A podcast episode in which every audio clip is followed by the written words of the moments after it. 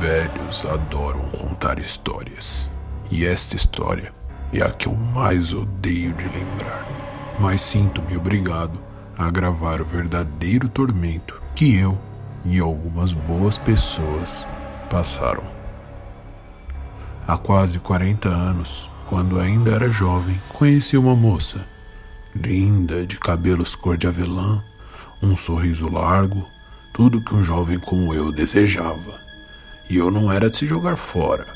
Participei da equipe de remos por anos, mas essa história eu conto uma outra hora. A tão linda moça chamava-se Elizabeth e eu estava completamente apaixonado. E por algum tempo tivemos uma linda história de amor. Mas essa não é uma história de amor. E aviso-lhe, talvez meu testemunho possa perturbá-lo. Eu estava terminando o curso de rádio na universidade. Ainda era um amador, mas trabalhava na rádio da faculdade e tinha um projeto com alguns amigos. Meu quarto era uma verdadeira zona. Aparelhos de gravação, aparelhos de rádio usados, aparelhos para concerto, microfone, fitas de gravação, fios por toda parte. Mas mesmo assim, Elizabeth adorava meu alojamento da faculdade. Sabe como é, né? Jovens Passávamos bastante tempo no quarto. Inclusive, Elizabeth dormia comigo aos fins de semana. Conforme a relação evoluiu, foi natural que eu conhecesse seus familiares. Afinal, passaria o Natal em família com ela e fui muito bem recebido. No entanto, algo começou a me chamar a atenção.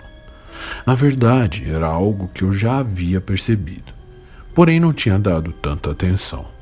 Elizabeth tinha um certo asco, nojo de pessoas diferentes. Qualquer pessoa com alguma deformação, problema físico, até mesmo crianças especiais, causavam arrepios em Elizabeth. No início, não achei que fosse algo sério, e conforme a relação avançou, descobri em uma conversa com seu pai, que já tinha passado da conta nas doses de uísque, que Elizabeth era adotada. E a adoção aconteceu quando ela tinha nove anos. Os pais biológicos, pelo que o velho me disse, tinham sido encontrados mortos em uma casa. Uma história bastante perturbadora. Mas, como eu disse, essa não é uma história de amor, e as coisas ficam cada vez mais estranhas. Um ano se passou e eu e Elizabeth não tínhamos mais segredos. Ela havia me contado tudo sobre sua adoção e das poucas lembranças que tinha de seus pais biológicos mas eu sentia que era como se ela não lembrasse de tudo. E decidimos então buscar uma ajuda profissional. Um psicólogo renomado, muito famoso por suas sessões de regressão, resolveu nos ajudar.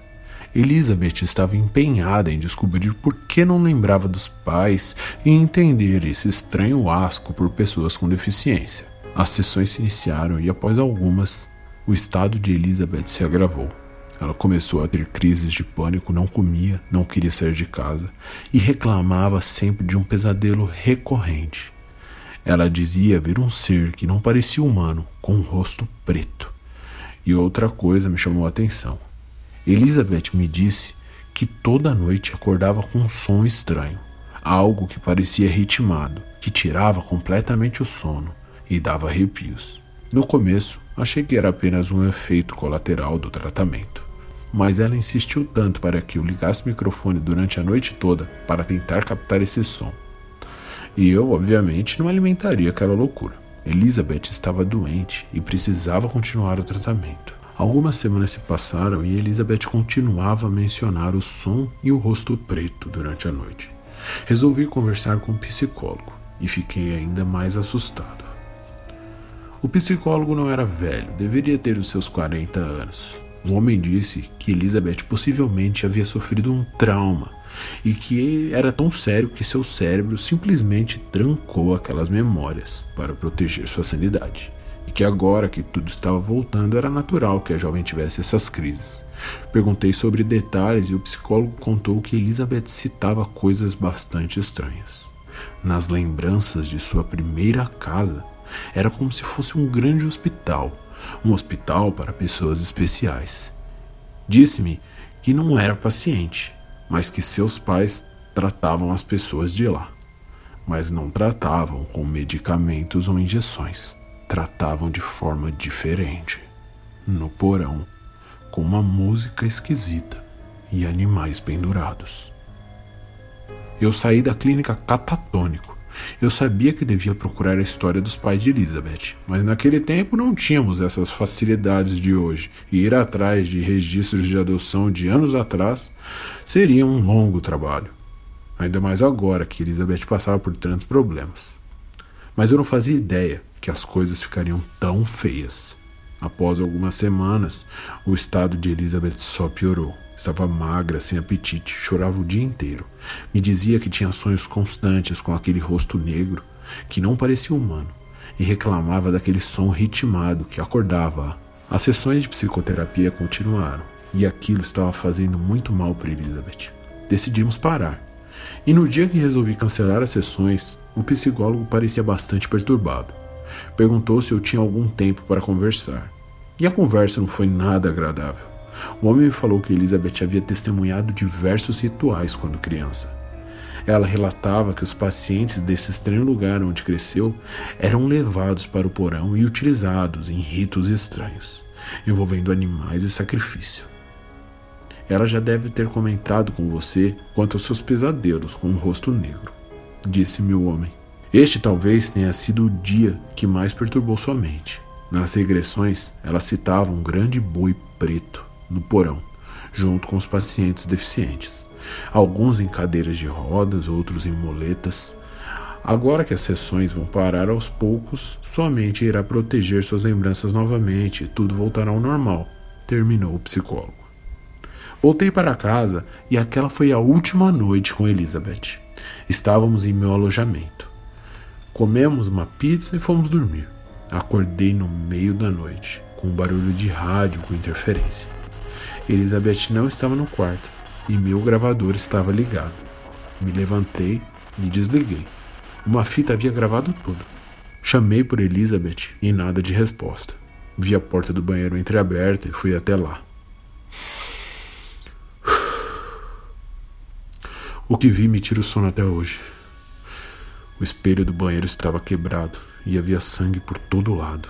Cada ladrilho daquele pequeno banheiro parecia ter sido lavado com uma mangueira de sangue. Caída, enrolada na cortina do box, estava Elizabeth, ainda segurando um grande caco de vidro. Seu rosto foi completamente desfigurado pelas lacerações feitas com o próprio caco. Estava quase irreconhecível. Naquele momento, me desesperei. Fiquei em estado de choque. E quando fui pegar o telefone para ligar para a polícia, a maldita da gravação começou a tocar sozinha.